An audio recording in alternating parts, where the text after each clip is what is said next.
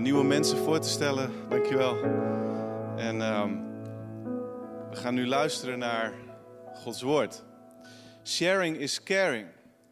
Dat is het thema en dat is een, ehm, een beetje moeilijk om dat letterlijk te vertalen, om dat ook pakkend te vertalen naar het Nederlands. Maar dat betekent zoiets van delen is laten zien dat je erom geeft. Delen is laten zien dat je erom geeft. En het is een uitdrukking die je uh, onder andere op social media regelmatig tegenkomt. En daarmee willen mensen eigenlijk oproepen: deel mijn post. En die post die roept dan vaak op om uh, te geven aan mensen, om uh, betrokken te raken bij een goed doel, om iets te doen voor mensen die het moeilijk hebben. En dan zeggen ze: caring, wil je laten zien dat je om ze geeft, dan moet je delen, dan moet je het sharen. Je komt het ook wel tegen in allerlei vormen van marketing, uh, maar ook bijvoorbeeld, ik zag een oproep bij studenten die zeggen van, hey, uh, als jij een goede samenvatting hebt gemaakt van een boek en je hebt daardoor het tentamen goed gemaakt, deel het dan. Uh, heb jij een jas over, deel het dan.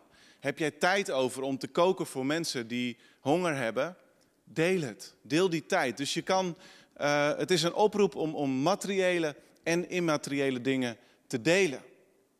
Sharing is caring.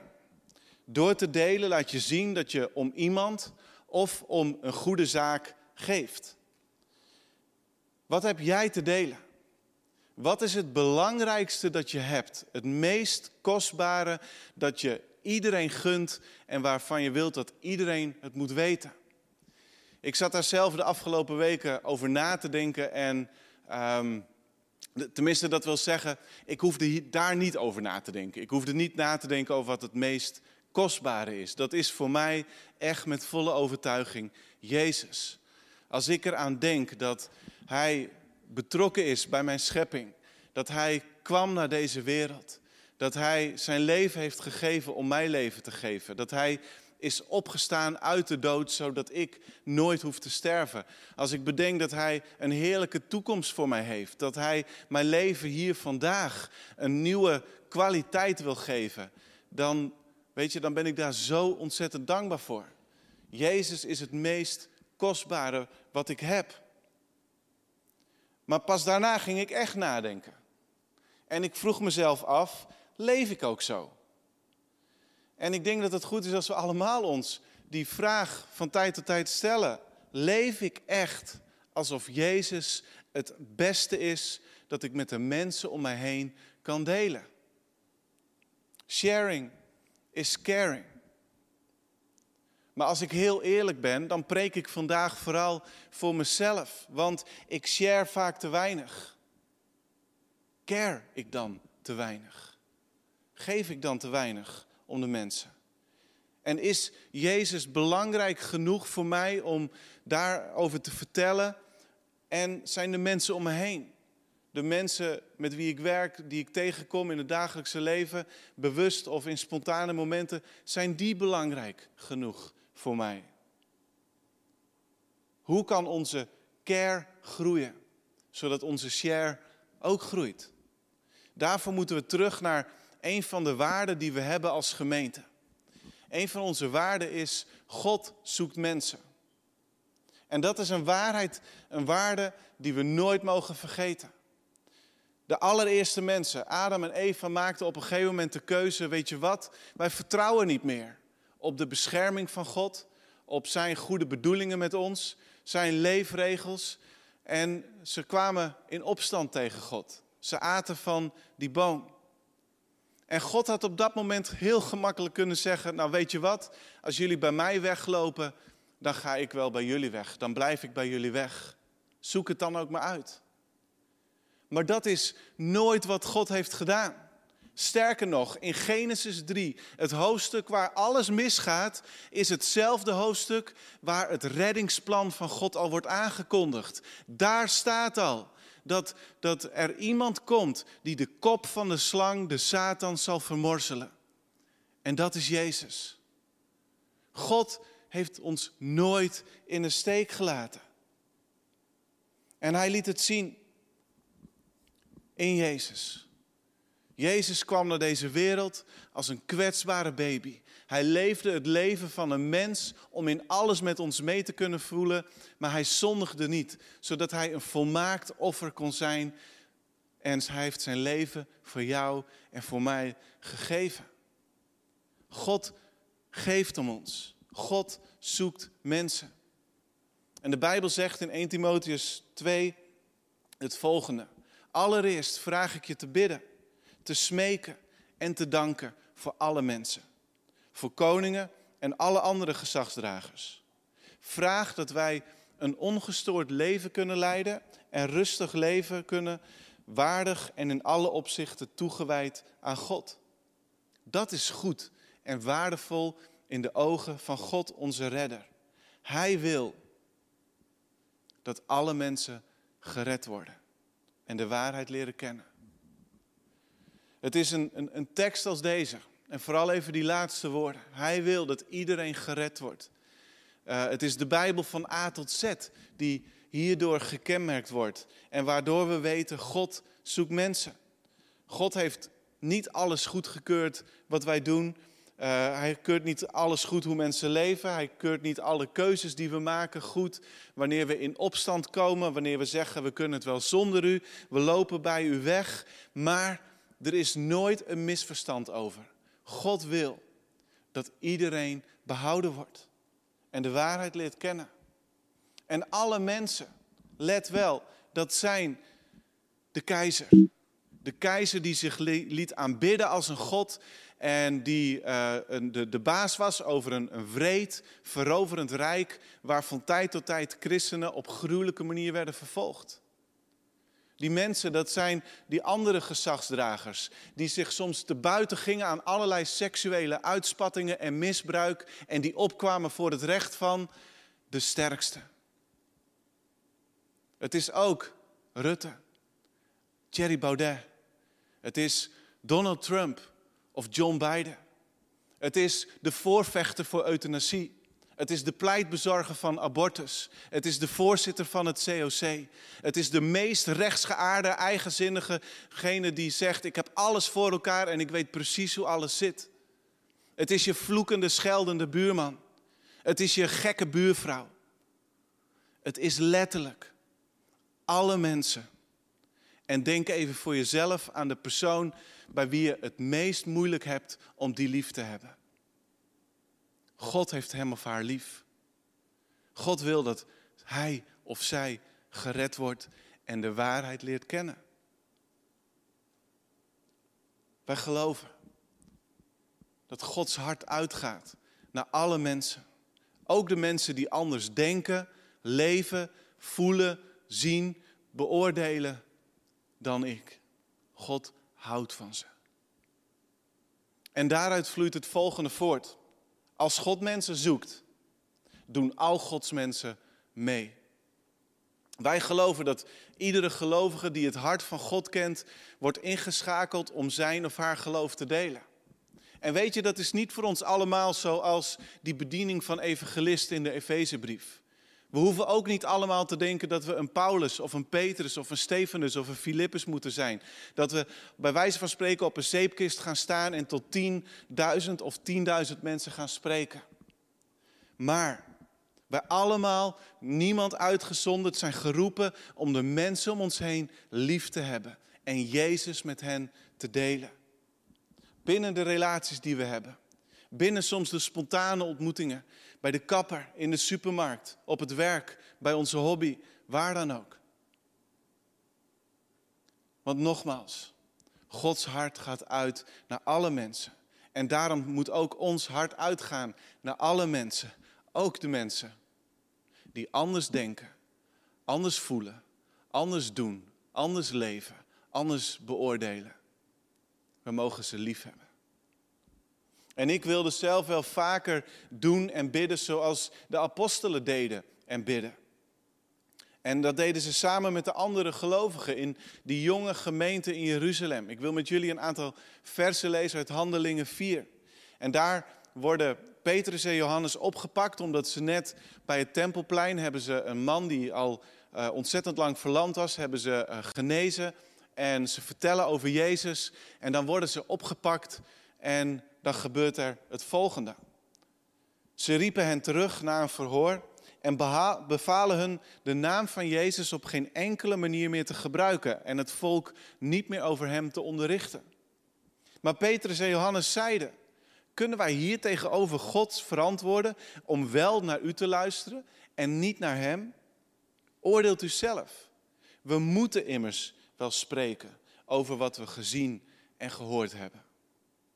Nou, hierna gaan Petrus en Johannes, die worden vrijgelaten. Ze gaan terug naar de gemeente en vertellen alles wat er is gebeurd en gezegd. En dan gaan ze met z'n allen in gebed. Ik lees vanaf halverwege dat gebed, verder in Handelingen 4. Wel nu, bidden ze. Wel nu, Heer. Sla ook nu acht op hun dreigementen en stel ons, uw dienaren, in staat om vrijmoedig over uw boodschap te spreken. Door ons bij te staan, zodat zieken genezing vinden en er tekenen en wonderen gebeuren in de naam van Jezus, uw heilige dienaar. Toen ze hun gebed beëindigd hadden, begon de plaats waar ze bijeen waren te beven en alle werden vervuld van de Heilige Geest en spraken vrijmoedig over de boodschap van God. Je zou eigenlijk heel hoofdstuk 4 moeten lezen. En hoofdstuk 5 erna, weet je wat? Je moet eigenlijk heel handelingen lezen. Het is zo geweldig om te zien wat er gebeurt. En er wordt niet gebeden door deze discipelen nadat ze zijn opgepakt met bedreiging van geweld. Er wordt niet gebeden voor rust, comfort, mag het allemaal wat makkelijker gaan. Nee, er wordt gebeden voor moed. Ze bidden om vrijmoedigheid, om te blijven spreken. Om wonderen te doen in de naam van Jezus. Om mensen te genezen, om mensen te bevrijden, om mensen heel te zien worden. Wauw. Deze mensen zijn er diep van doordrongen dat ons geloof delen laat zien wie Jezus is wat Hij voor ons heeft gedaan, hoe belangrijk voor Hij voor ons is en dat iedereen daarvan moet weten. En dat is ook een van de speerpunten die Nicola heeft gedeeld vorige week tijdens de Visiezondag. Dat we uh, samen met elkaar willen bidden om de vrijmoedigheid. Om te getuigen van ons geloof. Om, daar, om dat vaardig te doen, om dat op een goede manier te doen en met de kracht van God. Maar hoe kunnen we dat dan? Hoe kunnen we ons geloof allemaal delen? Ik wil nu een paar versen lezen uit Colossense 4, een brief van Paulus. En hij legt daarin heel erg mooi uit hoe we dat kunnen doen. Het is super praktisch, heel goed toepasbaar. Er staat vanaf vers 2. Blijf bidden en blijf daarbij waakzaam en dankbaar. En bid dan ook voor ons, dat God deuren voor ons opent om het mysterie van Christus te verkondigen waarvoor ik gevangen zit. En bid dat ik het mag onthullen zoals het moet. Gedraag u wijs tegenover buitenstaanders en benut iedere gelegenheid. En als u wilt weten hoe u op mensen moet reageren, vriendelijk, maar beslist. Nou, welke lessen kunnen we leren uit dit gedeelte? De allereerste les is deze. We bidden allemaal voor elkaar om open deuren en vrijmoedigheid. Paulus zegt dat. Bid voor ons, dat God deuren voor ons open. Bid dat ik het mag onthullen, zoals het moet. Het begint met gebed. Het is niet het gebed van een paar van ons, van een paar fanatieke mensen, maar het gebed van ons allemaal. Dat is de eerste manier waarop we geroepen zijn om, om die grote opdracht van Jezus gestalte te geven, om daar deel van uit te maken. Bid. Bid voor de evangelist die op het podium staat. Bid voor de spreker die zondag voorgaat. Bid voor het bandlid wat zich hardop mag uitspreken. Bid voor elkaar. Bid voor iedere gelovige dat hij of zij niet als een soort van onderzeeër christen naar de dienst komt, even boven water komt, zich even oplaat en dan weer voor de rest van de week onder water duikt om onzichtbaar zich door de wereld te bewegen. Bid dat we, laat ik het zomaar zeggen, allemaal deel worden van de vredesmacht van God. En dat we zichtbaar hier vandaan gaan, zichtbaar straks de deur uitstappen, zichtbaar op de schaatsen staan. En kijken, met wie kunnen wij het belangrijkste delen? Maar ons geloof delen wordt niet zonder gebed. Het is geen vanzelfsprekendheid dat de deuren open gaan. En het zijn zeker geen automatische deuren dat als je ervoor staat, dat ze zich vanzelf openen. En ik spreek even specifiek onze gemeenteleden aan. Dit is de verantwoordelijkheid van jou, van mij, van ons allemaal om te bidden. Nogmaals voor de diensten, maar ook voor een alfa-cursus. Ook voor de ontmoeting van, van Jan of Piet of Wilma of wie dan ook maar op straat en bij de supermarkt. Laten we bidden voor elkaar. Dat deuren open gaan en dat we de moed hebben om ons uit te spreken. Want het is zoals Paulus het in de brief aan de Efeziërs zegt, Efeziërs 6, vers 20, blijf of bid dat ik er vrijmoedig over kan spreken zoals mijn plicht is. Dus we bidden allemaal voor iedereen, omdat iedereen, omdat iedereen een plicht heeft om zijn of haar geloof te delen. Colossense 4 leert ons ook het volgende, puntje 2. We denken goed na, maar niet te lang. We denken goed na, maar niet te lang. Nou, ik, ik snap dat dit helemaal verkeerd opgevat kan worden, maar geef me even de tijd om het uit te leggen. Ik sluit aan bij deze woorden. Gedraag u wijs tegenover buitenstaanders en benut iedere gelegenheid. Sommige mensen voeren heel graag het excuus aan, uh, en ik hoop dat ik al duidelijk heb gemaakt dat dat niet opgaat, maar die zeggen, ik ben geen evangelist. Het is, het is niet voor mij om mijn geloof te delen, want dat past niet bij mij. En weet je, ten dele klopt dat. Ten dele klopt dat, dat wil zeggen, niet iedereen is geroepen dus als een soort van Paulus. Niet iedereen heeft een bediening als een David de Vos vandaag de dag. Of, of noem een willekeurige andere bekende evangelist. We zijn niet allemaal geroepen om op een podium te gaan staan en voor heel veel mensen te spreken. Maar het mooie is dat Colossense 4 daar ook helemaal niet om vraagt en niet over gaat. Paulus' aansporingen en advies zijn aan alle mensen. En die gaan het niet over hoe kan je beter mensen benaderen en aanspreken, maar het is andersom. De opdracht is om allemaal te kunnen antwoorden. Dat betekent dat je de vragen van mensen beantwoordt. Dat betekent dat je de gelegenheid pakt en niet creëert. Tenzij je een bijzondere roeping hebt. En sommige mensen hebben die roeping. Sommige mensen hebben de roeping om openingen te creëren. Of zoals Nicola vorige week zei, om inderdaad op de straten van Brussel te gaan. En in de kroegen en in de cafés. En daar het evangelie te verkondigen. En mensen luisteren. Wauw. Maar laat je niet in een kramp schieten als je denkt dat is niks voor mij. Want de roeping voor heel veel van ons is om open deuren te zien en de gelegenheid te baten nemen. En dat is, dat wil ik benadrukken, niet een excuus om achterover te gaan leunen. Paulus gelooft dat gelegenheden zich overal voordoen. Dat ze zich vaak voordoen. En daarom moeten we iedere dag ons best doen en ervoor bidden. En ik hoop dat je bidt voor mij en voor alle anderen om die gelegenheden te zien. Om antwoord en uitleg te geven.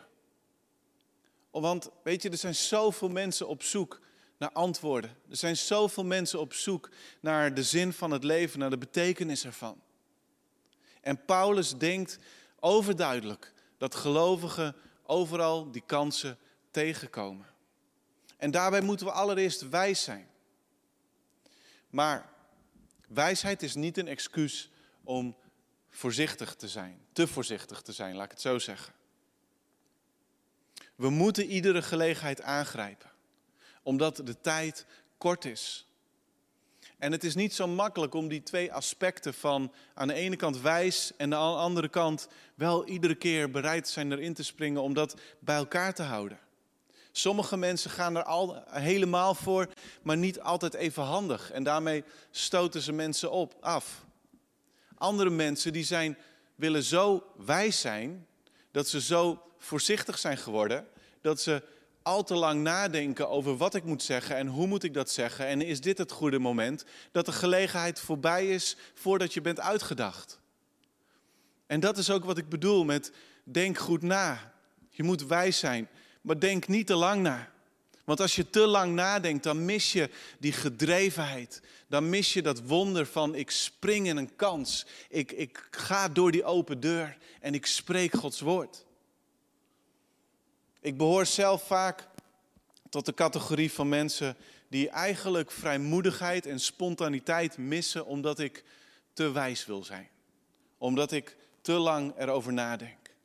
En daarom bij een, een buurtbarbecue, dan sta ik er open voor om mijn geloof te delen.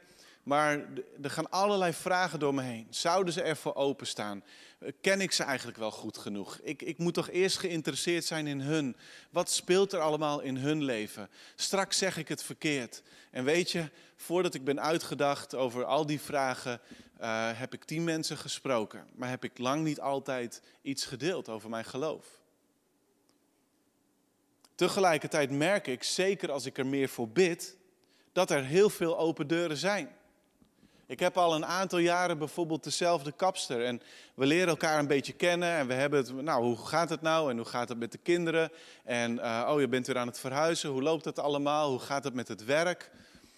En ik bid heel vaak, help me God om open deuren te zien. En weet je, bijna iedere keer kan ik op zijn minst iets vertellen over de kerk. Hoe trots ik ben, hoe blij ik ben, waar zijn we mee bezig, wat doen we. En ik heb ook al heel vaak over mijn geloof, mijn relatie met God kunnen delen. Tot, tot meerdere keren toe uh, werd, werd, werd het emotioneel en, en raakte het haar zo ontzettend. En ging het over hele moeilijke vragen, maar waarvan ik uh, vanuit mijn overtuiging uh, kon delen. En hoe ga ik daarmee om en hoe kijk ik ernaar? En dan ging het soms over de meest ingewikkelde onderwerpen. Maar we hebben echt wel, um, ik heb echt wel het geloof kunnen delen. Omdat God een deur opendeed en omdat ik er doorheen stapte.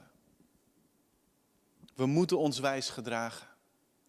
Maar we moeten ook iedere gelegenheid, iedere kans pakken. Om het allerbelangrijkste wat in ons is, te delen met de mensen om ons heen. We moeten voorzichtig zijn, maar niet te voorzichtig. Paulus zegt ook iets over hoe we moeten spreken als de gelegenheden zich voordoen. Punt 3. We spreken vriendelijk en boeiend slash prikkelend. We spreken vriendelijk en prikkelend. Paulus zegt in vers 6, en als u wilt weten hoe je op mensen moet reageren, vriendelijk maar beslist. En de herziende statenvertaling die geeft het iets letterlijker weer wat er staat. Die, die, die zegt, laat uw woord altijd aangenaam zijn, met zout smakelijk gemaakt. Zoals er een balans is tussen wijs en iedere gelegenheid benutten, is er ook een balans tussen ons, in ons spreken. Het moet letterlijk genadig zijn, vriendelijk, aangenaam, maar het mag ook boeiend zijn, prikkelijk. Houd het niet bij de standaard antwoorden. Maak het niet saai. Laat het, laat het aantrekkelijk klinken. De boel moet gezouten worden. Het moet een beetje opschudden. Het mag duidelijk zijn. Le spreek vanuit je leven en, en vertrouw erop dat God op dat moment jou wil inspireren en de woorden wil geven. Dat is hoe we vriendelijk, maar ook gezouten kunnen delen. En weet je, we zijn brengers van goed nieuws. We zijn brengers van het allerbeste nieuws. We zijn niet geroepen om angst te prediken, wat je tegenwoordig ook vaak ziet. We zijn niet geroepen om veroordelend of disrespectvol te spreken op het moment dat we zeggen dat we de blijde boodschap delen. We zijn er niet om wantrouwen te promoten. En zeker, onderwerpen als zonde en oordeel kunnen te sprake komen. Als mijn kapster mij op de man afvraagt hoe ik ten opzichte van bepaalde moreel, ethische dingen sta, of uh, gender-issues of wat dan ook maar, weet je, dan ben ik gewoon eerlijk. Dan bid ik keihard. Maar dan antwoord ik ook oprecht. Waar twijfel ik aan? Ehm, hoe kijk ik ernaar? Hoe, hoe wil ik er liefdevol naar kijken? Maar geloof ik ook dat de Bijbel er iets over te zeggen heeft? En weet je, ze heeft me nog nooit in mijn oor geknipt. Ze heeft de afgelopen maanden geweigerd om me te knippen, dus mijn coronakapsel wordt steeds duidelijker, maar dat heeft andere redenen. Maar je mag duidelijk zijn, beslist en altijd vriendelijk. God is bij je. Hij wil je helpen om, om die twee in balans te brengen. En als laatste, we zijn altijd bereid. Als we ons geloof willen delen, moeten we altijd bereid zijn. 24/7. Petrus die zegt het als volgt in hoofdstuk 3 van zijn eerste brief. Wees steeds bereid. Iedereen te antwoorden die rekenschap vraagt van de hoop die in u leeft. Maar doe het zachtmoedig, met respect en vanuit een zuiver geweten. Dan zullen zij die uw christelijke levenswandel hekelen, beschaamd staan met hun lastenpraat. Dus Petrus die sluit helemaal aan bij wat Paulus ons ook in Colossense 4 leert. Hij zegt: wees altijd bereid. Niet om de kans te creëren, maar om de kans te pakken. Niet om de gelegenheid zelf te veroorzaken, maar om de gelegenheid te nemen. Dat is heel vaak voldoende. En wees dan bereid om te vertellen wat leeft er in jou. Hoe heb ik zekerheid in onzekere tijden?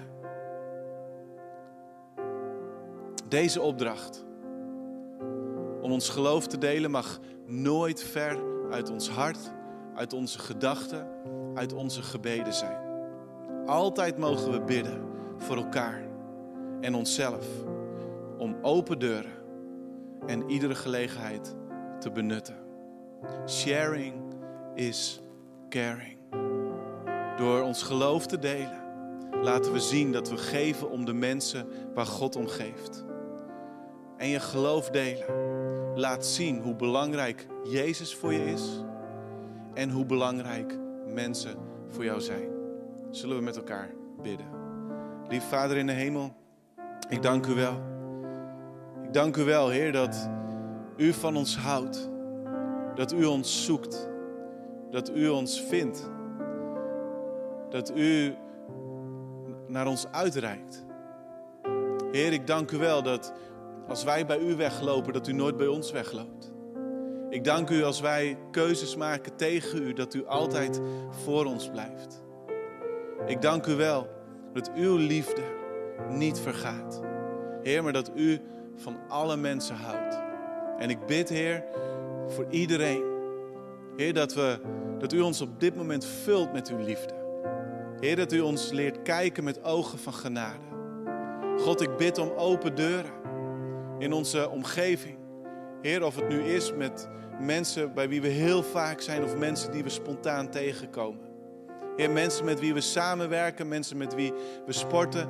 Heer, mensen die we vandaag op het ijs tegenkomen. Heer, ik bid om open deuren. En ik bid God voor iedereen dat we met geestelijke ogen mogen kijken. Dat we de open deuren mogen zien. En dat we de gelegenheid mogen, mogen aangrijpen om u te delen.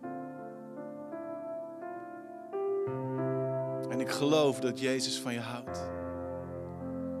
Ik geloof dat Hij het allerbelangrijkste voor jou mag worden als dat nog niet zo is. Weet je, vandaag kan je, kan je ja zeggen tegen Jezus. Vandaag kan je tegen Hem zeggen, Heer, ik geloof dat U mijn redder bent. Ik geloof dat U mijn verlosser bent. En ik wil leven met de hoop. Ik wil leven met een eeuwige toekomstverwachting. Als je dat wilt doen, dan, dan kan je dat aangeven digitaal in de chat. En er zitten mensen klaar voor jou om met jou te bidden, om met je te spreken. En ik bid, Heer, voor iedereen. Dat u ons vult met uw Heilige Geest, Heer, zodat we met vrijmoedigheid en met het volgen van wonderen en tekenen u bekend mogen maken. Heer, dat bidden we in de naam van Jezus.